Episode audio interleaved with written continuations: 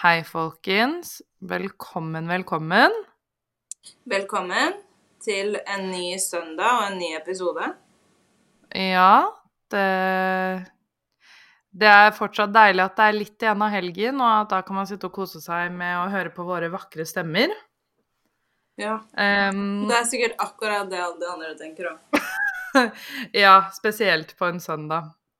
Em, nei, så hvordan har helgen din vært da, Perry? Har den vært grei? eh, det vet jeg ikke ennå, fordi det er jo fredag dag nå når vi spiller inn. Ja, sant. Sant. Men uken min har for så vidt eh, vært grei. Den har vært veldig hektisk. Som vanlig. Ja. Hva med din uke? Hektisk as usual. Ja. Mye skole og jobb. Det her er jo my job, så Så ja. Det er vel egentlig det.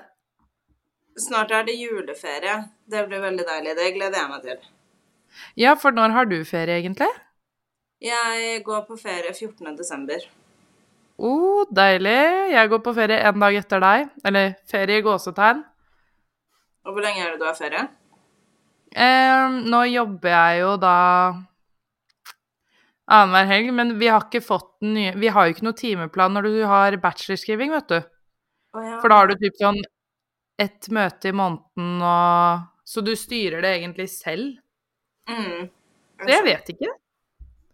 Men um, Perry, hva er det vi skal snakke om i dagens episode? I dag skal vi snakke litt om pårørende. Så i dag skal vi Mm. snakke om deg. Ja, tenk på det. Me, me, me. All about me. Ja. Jeg har lagt merke til på Instagrammen vår at um, det folk har interesse for å høre om akkurat nå, er hvordan det var for deg å være pårørende, og litt sånn tips og triks. Hva er det du tar ut av den opplevelsen? Ja, litt sånne Mm. småting, da. Mm. Uh, og vi synes jo det er viktig at man hører det fra det andre perspektivet òg, fordi uh, pårørende er jo også en stor del, men jeg tror at veldig mange, eller i hvert fall mitt blikk som det å være pårørende, var at eh, her er det ikke jeg som har noe å si. Eh, jeg skal være her som et støtteapparat, men så er det jo sånn at pårørende har jo også sine følelser og emosjoner og eh, tanker rundt alt det her, da. Mm. Så Så da kan vi jo egentlig bare kjøre på. Ja, Um, Da kan jo Ja. du først begynne å fortelle litt om din opplevelse av hvordan det var å være pårørende.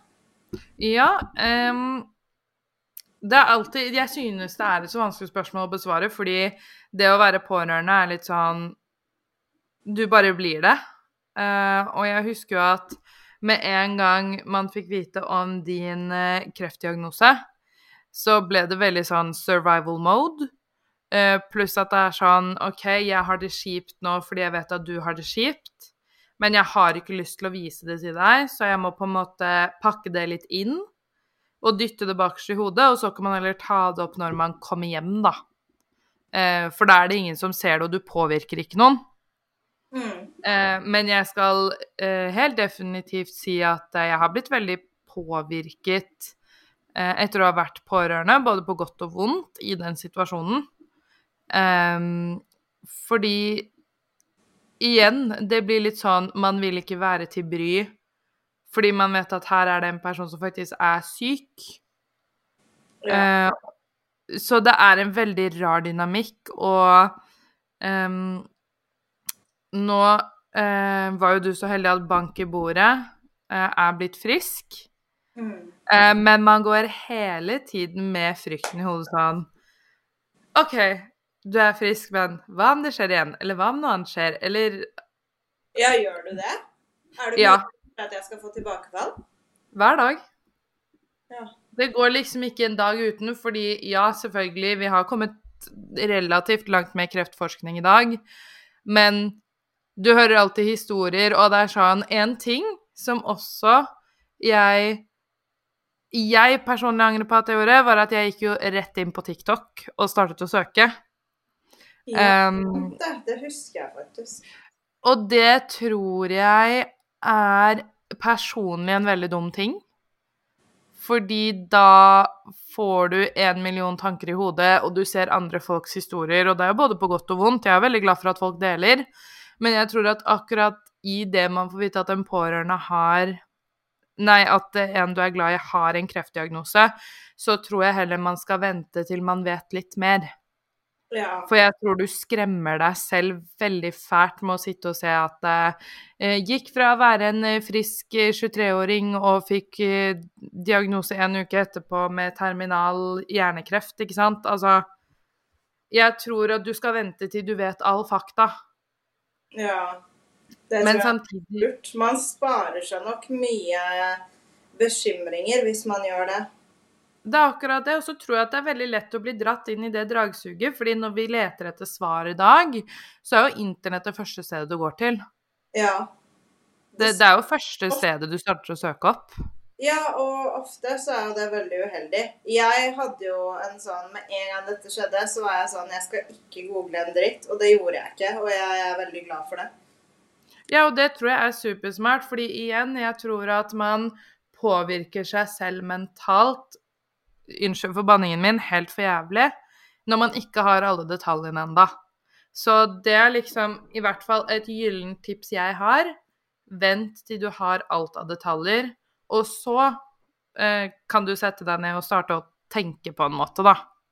Mm. Men Absolutt. hvis du kunne gått tilbake til starten av det her, til deg selv, Mm. og guida deg selv liksom gjennom denne opplevelsen, Mm.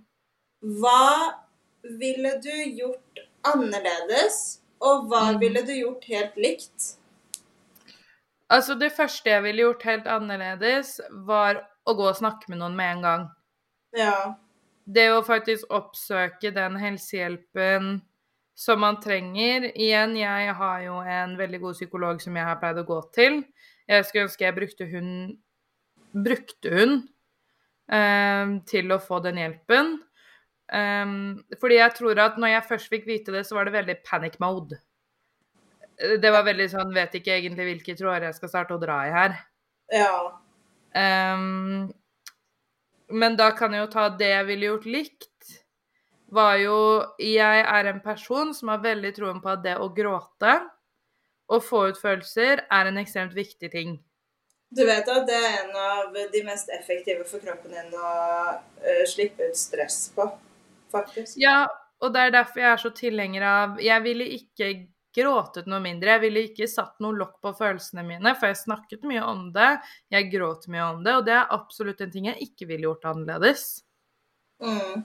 Eh, For igjen, det skaper jo en trygghet hos deg selv, og eventuelt en trygghet hos den som har sykdommen, ikke sant? Ja. At du tør å snakke om det. Ehm, og en ting til jeg ikke ville gjort annerledes, var det å få bli med deg på alt. ja. Eh, For det for meg var en veldig lærerik erfaring. Men igjen, en ting jeg ville gjort annerledes, var å prøve å ikke ta med meg hjem de inntrykkene jeg akkurat har fått, selv om det er veldig vanskelig. Ja, for hvordan, Jeg ville nok Unnskyld? ja, hvordan gjør man det, liksom? Det er akkurat det. hjem. Det, det er akkurat det. Eh, og det er jo det vanskelige igjen. Um, men jeg tror at så som de sier, legge fra deg jobben på jobb og ikke ta den med hjem fordi det påvirker deg sånn. Og det var en ting jeg lot manifestere hverdagen min veldig. Eh, igjen, ikke så veldig rart. Nei, altså det er jo ekstremt forståelig at uh, det blir sånn, men klart klarer man å ta seg i det, så er det jo veldig lurt og fint. Det er akkurat det. Eh, og igjen, det er liksom sånn Det jeg også ville gjort annerledes i ettertid, igjen oppsøke hjelp, fordi jeg kjenner jo at det har jo påvirket meg ekstremt mye å se noen du er glad i, være i en så sårbar situasjon. Um, og det gjør jo at du blir veldig oppmerksom på at du bare er et menneske. Du er ikke en superhelt, på en måte. Ja. Eh, så definitivt det er, på en måte, det er veldig mye pluss og minuser her som man kunne endret på, gjort bedre og egentlig ikke forandret så mye. Mm. Nei, nei, men jeg tror det er mye Det er sikkert på en måte mye, mye mer som jeg ikke har nevnt, som jeg kunne gjort bedre eller endret. Um, men samtidig så tror jeg at det er en del av reisen å kunne reflektere tilbake på det. Eh, og eh, se at greit, jeg gjorde det i den situasjonen, men da vet jeg at til neste gang noe f.eks. sånt skjer, da, bank i bordet, eller en annen type situasjon skjer, eller noen du kjenner er i den situasjonen, så um, har man reflektert over de tingene man har gjort, og kunne prøve å hjelpe til, da, eller råde videre. Ja. Uh, og jeg tror det er en viktig ting at man ikke straffer seg selv for hardt for ting som har skjedd, men at man heller uh, ser på forbedringspotensial i ting. Da. Det er en veldig viktig ting for meg. Ja, og at man bare lærer av det isteden. Ja, fordi å sitte og si 'Å, jeg burde, jeg burde gått til hun psykologen. Hvorfor gjorde jeg ikke det?' Å, herregud. Da er det bedre å si 'OK, jeg gjorde ikke det da, men det vet jeg nå'. At jeg kan gjøre annerledes. Ja. For jeg tror at er man altfor hard mot seg selv også på sånne ting, så river du deg selv ned. Jeg tenker at det er helt fullstendig uproduktivt, det. Ja, du får ikke noe ut av det. Feil skal alle gjøre. Det er for å lære av de. Det er liksom ikke større enn det, egentlig. Mm. Nei, det er, det er, akkurat det. Det er så Så det har skjedd, og det er mye jeg ville endret, og mye jeg ikke ville endret. Og så lenge man er klar over det, så tror jeg at man kan eh, forbedre det til igjen, bank i bordet, eventuelt neste gang en lignende situasjon skjer, eller noe man kjenner går gjennom en sånn situasjon, da. Mm. Hva syns du var verst? Hmm. Det er vel tre, tre ting. Mm. Eh, det første jeg syntes var verst, var jo når du fikk diagnosen. Ja. Altså, det er jo en no-brainer, fordi det er et så stort sjokk Ja. eh, som på en måte blir kasta på deg. Eh, og så syns jeg det var verst å gå og vente på at du skulle få en prognose. ja. Den- Det er også for, for du sitter der og liksom er sånn OK, er det sånn nå at jeg må starte å skrive talen vi skal ha i begravelsen hennes? Eller er det sånn at vi kan planlegge ferietur til Mallorca om et halvt år? Ja. Eh, det er litt sånn der du sitter. Eh, og det tredje var Og det kommer jeg til å fortsatt stå på når du fikk spinalbedøvelse eh, Spinal... Ja, spinalbedøvelsen. Ja. Desi, altså det skriket har jeg lagret på replay i hjernen min. Jeg tenker egentlig det at uh, en av de neste episodene vi skal ta, kan faktisk være den nå, syns jeg, om opplevelsen min på sykehuset. Det synes jeg òg. Ja, da kan vi dykke litt dypere inn i akkurat den der. Vi snakker jo litt grann om det i den engelske episoden vi også slipper ut. Ja. Um, Men jeg tenker at jeg tror det er tiden for at vi tar den sykehusopplevelsen nå, egentlig. Det, det tror jeg. Jeg tror at det er passelig, tiden er inne, og nå har du jo fått hørt, hørt oss skravle i en del episoder, så da føler vi oss Eller du føler deg kanskje klar til å dele det, da. Ja, jeg tror at nå, nå føler jeg meg nok klar til å dele det. Ja. OK. Da har jeg neste spørsmål. Mm. Mm, og det er hvordan har tiden etterpå vært? Hvordan opplever du tiden etter kreften? Godt spørsmål. Um, jeg tror at første delen av tiden så var jeg veldig redd for bivirkninger. Og veldig redd for hvordan For meg? Ja, hvordan det skulle gå for deg å komme tilbake til en normal rutine når jeg så på en måte det du hadde gått gjennom. Ja. Fordi sånn som Det er jo ikke jeg som har gått gjennom noe Ja, noe psykisk, men ikke noe som har påvirket meg fysisk. Jeg har ikke brukt et bein eller mista en tann, liksom. Nei, men husk at eh, psykisk påvirker fysisk òg, da.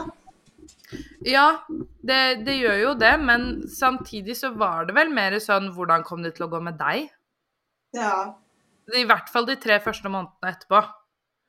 Hva var Um, du redd for, liksom? Nei, for det første hvordan eh, kont Altså kontra Pernille før kreften og Pernille etter kreften. Hvordan kom du til å være? Hvis Hvordan du skjønner?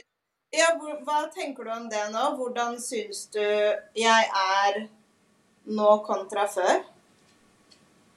Mm. Dette er sånn jeg synes er ubehagelig. Fordi Nei, nå ble jeg bare nysgjerrig, liksom. Jo, altså, det er jo selvfølgelig ting som har endret seg, som er naturlige ting. Ja, hva da? Altså Det er veldig vanskelig å forklare det med ord. Om det gir mening. Prøv. um, prøv. Ja, men nå er jeg nysgjerrig. Nei, altså ehm, Du er jo Altså, du er veldig lik som før, men det er mer småting sånn um, Du blir jo fortere sliten. Mm. Det, det er jo naturlig. Uh, og da blir man mye fortere sliten mentalt også, ikke sant? Ja. Man har liksom et batteri, og du kan tenke deg hvis alle andre sitt er på 100, så er ditt på 50, da. ja, og så tror jeg også at rett etter kreften så er det liksom begynte jeg å utdanne meg til coach og bygger opp mitt eget firma. Så klart, der er det litt sånn høna eller egget. Uh, Ja, det er sånn, du hoppa jo rett inn i noe med hodet først. mm, Mm, så, og så tror jeg også at du um, Eller sånn jeg føler det, er at du er mer business enn du var før, hvis du skjønner hva jeg mener. OK. Hvordan Altså, det er sånn Sånn som før, da. Vi snakka om alt mulig rart. Altså sånn, du vet Gresset er grønt, og hemmen er fin, hvis du skjønner. ja. Mens nå så føler jeg at mesteparten av tiden når vi snakker sammen, så er det business. Det er ikke Det er liksom ikke den derre Men det er jo også fordi vi bygger opp et firma, så jeg tenker at sånn sett så er jo det veldig naturlig. Vi har jo ikke bygd opp et firma sammen før. Nei, og det er jo en ny ting, og det er sånn Jeg tror 70% av det jeg har snakket med, har vært sånn Ikke bygge opp firma med familiemedlem, men jeg er veldig glad i å eh, utfordre normer. Mm. Jeg er veldig på den at du kan få til hva som helst, Ja. så lenge du går inn for det. Jeg tror nok jeg er mer eh, Det eneste jeg føler er annerledes med meg selv nå kontra før, Mm. er at jeg er enda litt mer unapologetically ego nå Mm. enn før. Mm. Eh, og så er jeg kanskje enda litt mer målrettet nå enn Mm. det jeg var før. Mm. Og det er egentlig de, det er derfor jeg blir så nysgjerrig, fordi det er de eneste tingene jeg har merket at er annerledes med meg selv. Jo, men det er Eh, akkurat det. Og tingen er at jeg tror at um, uh, Hvordan er det her persepsjonen av hvordan du ser tingene som har forandret seg inn i deg, er annerledes enn andre? Fordi jeg er helt enig, du er mye mer målrettet og mye mer bestemt eh, på hva du vil og hvordan du skal nå det. Men er jeg føler jeg føler nysgjerrig på hva du syns, vet du. Ja, fordi jeg føler ikke at det er noe Jeg føler ikke at det er noe negativt. At all. Nei, det hadde vært interessant hvis det var noe negativt også. Jeg er bare sånn nysgjerrig, for jeg vet jo hvordan jeg ser meg selv, men det er alltid interessant å høre hva er det andre ser, da, som jeg ikke merker til. Det er akkurat det, og det er litt sånn Jeg føler jo ikke at det er vesentlige ting, unntatt det med mer målrettet og mer bestemt. Men så tror jeg også det kommer litt igjen da på For jeg tror at pårørende eh, I hvert fall sånn jeg kjenner meg selv Jeg er mye mer var på å diskutere med deg, for eksempel. Nå Fordi- enn før. Ja, og det er en kjemperar ting. Fordi jeg merker jo det på sånn som en, Nei, men det er jo sånn som eh, For diskutering, det er noe jeg har fått til og med høre fra lærerne mine, det er ikke du redd for. Nei. På en positiv måte, I guess. Men sånn som det å diskutere med deg og hun andre venninnen min, og jeg er veldig glad i dere begge to. I love you so much. Men da er jeg sånn OK, det det prøver jeg å unngå, for det er ikke noe hensikt med det. Jeg prøver ikke å diskutere med folk generelt, men det er litt sånn Jeg vet ikke, jeg tror det er en pårørendegreie at man blir veldig overbevist på at det er sånn Der skal jeg ikke diskutere Eller skjønner du hva jeg mener?